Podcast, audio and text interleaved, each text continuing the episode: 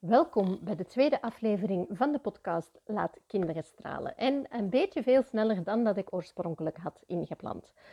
Misschien mezelf nog even voorstellen. Ik ben Vanessa Lauwers, bezielster van Zonnekind, kind- en jongerencoach en auteur. En het is mijn missie om kinderen en jongeren terug te laten stralen, maar ook om volwassenen meer inzicht te geven in de leefwereld van die kinderen en jongeren van nu, zodat we ze beter kunnen begrijpen en beter kunnen ondersteunen. En als ik heel eerlijk ben, dan moet ik toegeven dat ik toch wel even een beetje lang misschien getwijfeld heb of dat ik deze podcast zou opnemen of niet. Uh, om de reden ja, dat het misschien een beetje een gevoelig onderwerp is en dat ik ja, niet goed wist van zou ik, zou ik niet. er zat een beetje twijfel. Hè. En eerst wou ik helemaal niet op de berichtgeving reageren, maar er kwam al hè, snel genoeg ook reactie van anderen, waarom, hè, waaronder ook bijvoorbeeld dokter Bino Singh.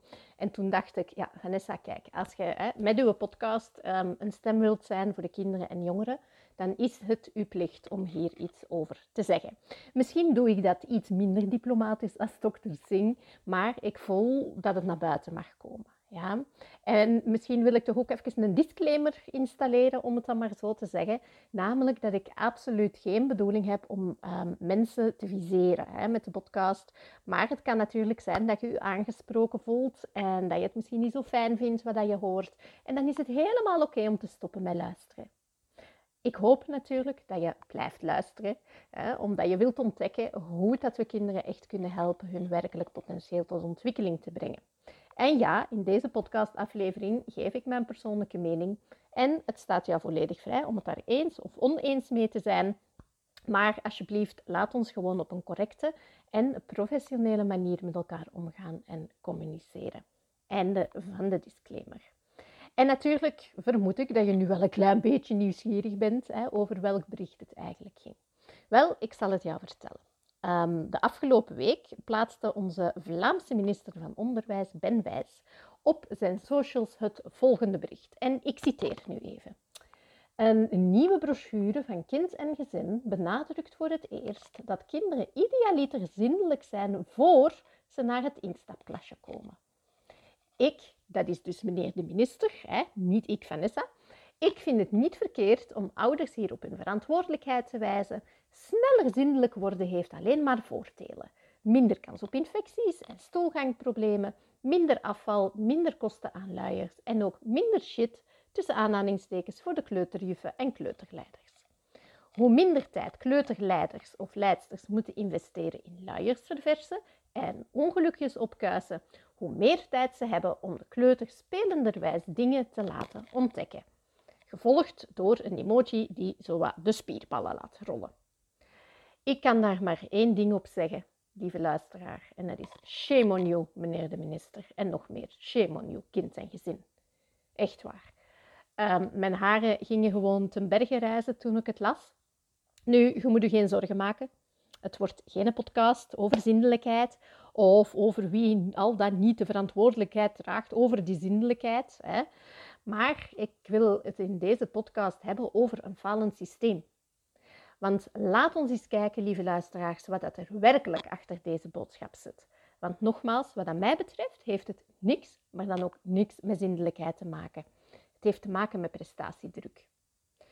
En er worden dus binnenkort weer meer zaken van het jonge kind verwacht, met ongetwijfeld heel wat um, gevolgen. Dus daarmee, hè, aangaande dat bericht hè, dat um, onze eigen minister uh, online plaatste, dat ik toch even heel graag daarop wil um, reageren. Want Buiten het feit dat het totaal absurd is en dat we hopelijk allemaal wel weten dat um, zo'n jong lichaam hè, helemaal nog niet klaar is om zindelijk te zijn. Meer ga ik daar niet over zeggen. Uh, want dan, hè, ik heb net gezegd dat het geen podcast over zindelijkheid wordt, maar wel over prestatiedruk. Daarom dat ik hè, zo snel deze tweede podcast um, opneem, omdat die helemaal aansluit bij de eerste, hè, over prestatiedruk. Dus die kan je altijd gaan herbeluisteren natuurlijk.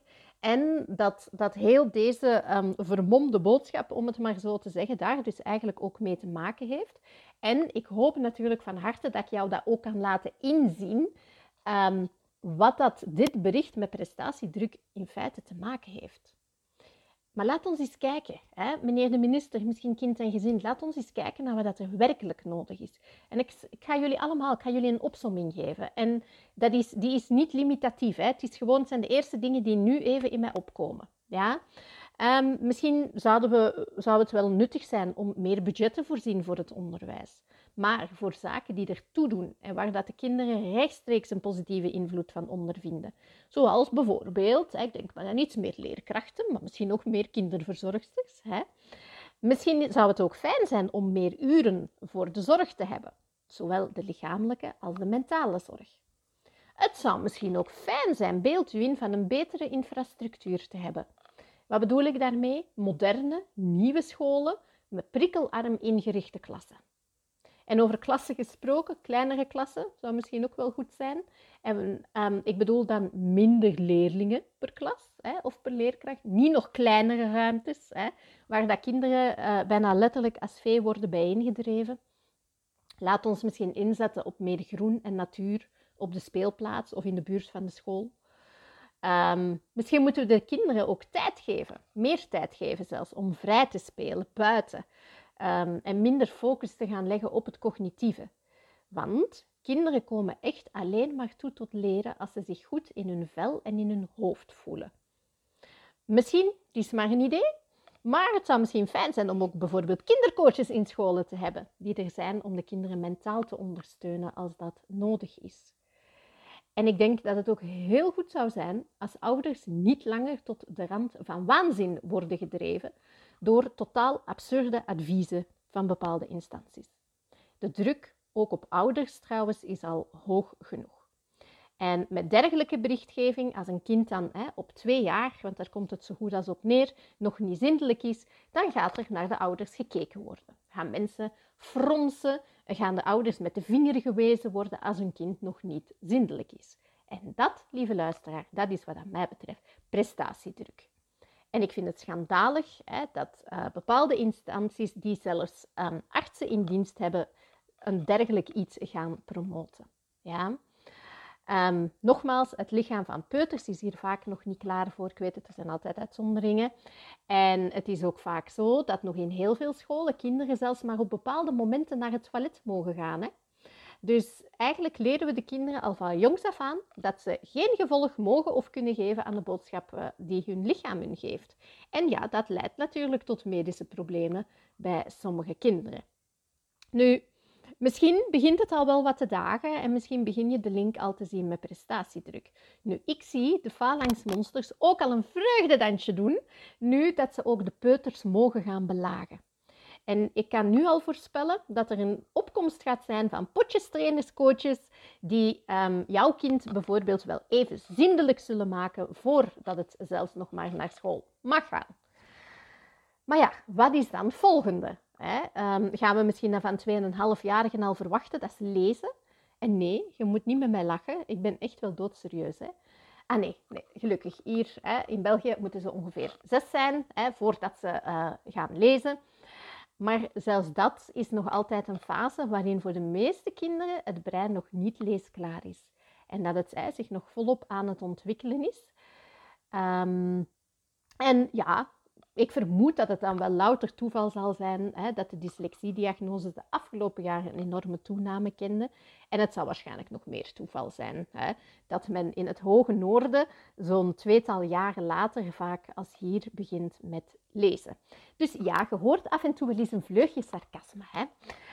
Um, nu, een van onze Vlaamse kranten kopte over het laatst ook hè, dat de kwaliteit van het onderwijs in Vlaanderen achteruit gaat. Schande een heel dossier um, over de cognitieve prestaties van de scholen en in welke school dat jouw kind het beste resultaat gaat halen. Geloof mij, ook daar uh, moest ik even heel sterk fronsen toen ik dat hoorde.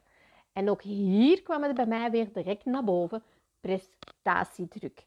Het gaat hier helemaal niet over het welbevinden van kinderen, um, maar gewoon over hun cognitieve prestaties. Maar goed, um, het ging eigenlijk over het eerste bericht, hè, over de peuters, hè, waarvan men al uh, heel vroeg blijkbaar nu gaat verwachten dat ze zindelijk zijn. Maar dat is dus een verdoken vorm van prestatiedruk. En geloof mij, lieve luisteraars, het zal van kwaad naar erger gaan als wij niet van ons laten horen. Als jij als ouder hierin meeloopt, of jij die als leerkracht je er maar bij neerlegt dat dit het nieuwe beleid wordt, dan maken onze kinderen geen schijn van kans. Wat leren we kinderen en jongeren eigenlijk door ze zoveel druk op te leggen? En weten, dat begint altijd maar vroeger en vroeger, jonger en jonger. We leren hen eigenlijk hun grenzen op vroege leeftijd al te overschrijden, maar we verwachten wel dat ze assertief zijn. Want het is natuurlijk, is belangrijk om je grenzen aan te geven, maar als kinderen dat doen, dan worden ze er ook op terecht gewezen. En ik ga nu een fictief voorbeeld geven. Mama, ik heb buikpijn en het lukt mij niet om mijn huiswerk nu te maken. De reactie van de ouder, evenzeer fictief voorbeeld. Stel u niet aan. Bijt maar op uw tanden, want anders dan gaat het later niet maken in het leven. Hè? Of, ja, ja, het zal wel. Jij bent gewoon lui. Of, uh, niet mijn probleem, hè, als je dan gebuist bent. Nu, begrijp mij niet verkeerd. Hè. Er is niks mis mee met op je tanden soms eens te bijten of doorzetting. Ja? Doorzetten is een hele mooie eigenschap, maar continu je grenzen gaan overschrijden, vaak nog voor een ander, dat heeft in mijn ogen niks met doorzetting te maken. Hè. Um, en kinderen worden eigenlijk dan um, ja, door angst getriggerd, namelijk faalangst. Hè. Want oei, ja, wat als mama nu gelijk heeft? En als ik nu niet goed, stel dat ik niet genoeg mijn best doe, ja, maar dan ga ik later misschien niks hebben. Of dan gaan anderen mij misschien uitlachen. En lap, daar heb je hem, hè. Het faalangstmonster is geboren. En ik geloof dat we niet met faalangst geboren worden. Ik zeg heel vaak, faalangst is aangeleerd gedrag. En zoals onze maatschappij nu bezig is, ga ik zelf en mijn collega's nog lang niet zonder werk komen te zitten. En geloof mij, hè, ik zou veel liever werkloos zijn, zolang als de kinderen dan maar zouden kunnen groeien en bloeien op hun eigen tempo. Het maakt mij oprecht boos en verdrietig en, en ik denk ook een stuk frustratie. Hè? Um, allemaal tegelijkertijd. En eigenlijk, ja, het zijn ook die gevoelens die mij dan toch doen, allez, ja, uh, of toen beslissen hebben om deze podcast op te nemen. Om een stem te geven aan de kinderen die steeds maar meer onder druk gezet worden en dat er heel vaak niet naar hen geluisterd wordt. Hè. En ik zie het dagelijks in onze multidisciplinaire praktijk hè, van Zonnekind. Ik zie de jongeren, ik zie de kinderen struggelen met die prestatiedruk, met perfectionisme en faalangst. En ik hoop dat velen um, het weten, maar soms denk ik dat het toch nog zo um, dat er nog wel wat een taboe ook rondhangt. Maar namelijk dat prestatiedruk de belangrijkste oorzaak van faalangst is. En zoals ik daar net al even aanhaalde, um, hè, zien we dus bij het zonnekind ook trouwens de kinderen steeds jonger worden. Hè, als ze aangemeld worden voor een al dan niet faalangstbegeleidingstraject. En ik merk ook dat ook steeds meer kleuterleerkrachten aan de bel beginnen trekken. En hè, ook tijdens de webinars die ik geef, dat er ook vaak hè, heel wat kleuterleerkrachten aanwezig zijn. Um, zelfs tweede, hè, derde kleuterklas, vaak ook jonger, um, die gelukkig, denk ik, dan zien dat de kinderen al, bepaalde, um, ja, al bepaald gedrag laten zien dat wel eens zou kunnen wijzen op perfectionisme en op faalangst. Maar lieve mensen, waar gaan we naartoe als een een, driejarige al, al daarmee, allee, daarmee al zit. Allee, ja, zwet. Goed. Um, maar goed, ik wil het maar gewoon even cruwig zeggen. Maar eigenlijk, um, het zijn wij, de volwassenen, in welke rol dan ook, die ervoor zorgen dat die phalanxmonsters de perfecte voedingsbodem krijgen. Ja? Als we dus kinderen en jongeren echt willen helpen, dan zou het goed zijn om de druk eraf te halen van hun, van hun schouders. Maar dat betekent ook dat we afscheid aan moeten nemen van oude overtuigingen, oude patronen die eigenlijk in deze tijd niet langer van toepassing zijn. Um, overtuigingen en patronen rond opvoeding, rond onderwijs bijvoorbeeld. En kijk rondom jou. De kinderen, de jongeren van nu laten zien dat het systeem niet meer werkt. Meer en meer leerlingen vallen uit op school. Maar ja, dat ligt aan hun zeker. Hè? Um, wat dat mij betreft ligt dat aan een falend en of hè, maatschappelijk systeem. Eén, dat stekenblind en potdoof is voor de noden van de kinderen en de jongeren. Want als we ze echt zouden helpen, dan halen we de druk eraf. Um, dan, dan, zorgen we dat ze die prestatie, of geen ongezonde prestatiedruk alleszins gaan ervaren. Maar ja, hoe doe je dat dan? want ik hoor het u al denken, ja, ja Vanessa, je hebt gemakkelijk praten, maar hoe haal je dan de druk eraf? Wel, dat kom je te weten in de podcastaflevering Prestatiedruk, waar dat ik onder meer vertel wat dat de gevolgen zijn naast faalangst van prestatiedruk. Maar je krijgt er ook heel wat tips om al stappen te ondernemen om het voor de kinderen en jongeren wat minder zwaar te maken. Nu, het verhaal van prestatiedruk is er ook eentje um, om in eigen boezem te gaan kijken. Hè. En ik weet dat dat altijd een spannende en een vieze tegelijkertijd. Maar hoe zit het met jou? Welke verwachtingen koester jij voor je kind of voor, je, voor een leerling in jouw klas bijvoorbeeld? Zijn die verwachtingen die je hebt, zijn die afgestemd op de werkelijke ontwikkeling van het kind? Of zijn die misschien eerder um, gebaseerd op andermans mening? Of misschien zelfs op ongevraagd advies van derden? Of komen ze misschien voort uit je eigen angsten? Dus altijd is interessant om daar eens even naar te gaan kijken. Ja?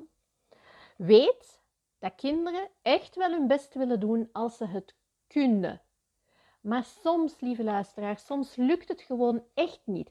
Hoeveel oefeningen dat een kind ook maakt. Maar oei, oei, oei, oei, Oeh, dan wijkt het af van de standaard. Hè? En tegenwoordig begin ik mij serieus vragen te stellen bij wie dat die standaard eigenlijk, wie dat die standaard ooit eigenlijk bepaald heeft. Hè? Um, te vaak verwachten we zaken van kinderen waar ze zelfs breinmatig nog niet eens klaar voor zijn. Ah ja, maar ja, ja dan hoor ik het al zeggen. Maar Vanessa, dan is er wel iets mis met het kind. Hè? Kunnen we het misschien eens even fixen? Een labeltje, een pilletje? Hè? Ehm, maar wat dat heel vaak uit het oog verloren wordt, is de context waarin een kind opgroeit. En er zijn uh, veel verschillende contexten of omgevingen waar dat een kind leeft, opgroeit en leert. Maar kijken we altijd of dat die contexten adequaat of passend zijn voor het kind? Mm, mm, eigenlijk nog veel te weinig. Ja? En ik wil even een metafoor gebruiken. Een plant.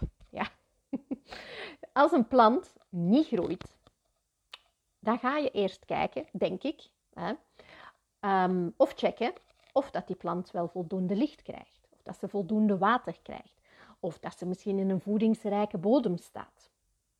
En mocht dat niet het geval zijn, dan ben ik er zeker van dat je de plant gaat verplaatsen. Dat je misschien de plant water gaat geven. Met andere woorden, je gaat de context van de plant veranderen om ze een kans te geven om te groeien. En wat doen wij met de kinderen? Nou, wij proberen ze te fixen.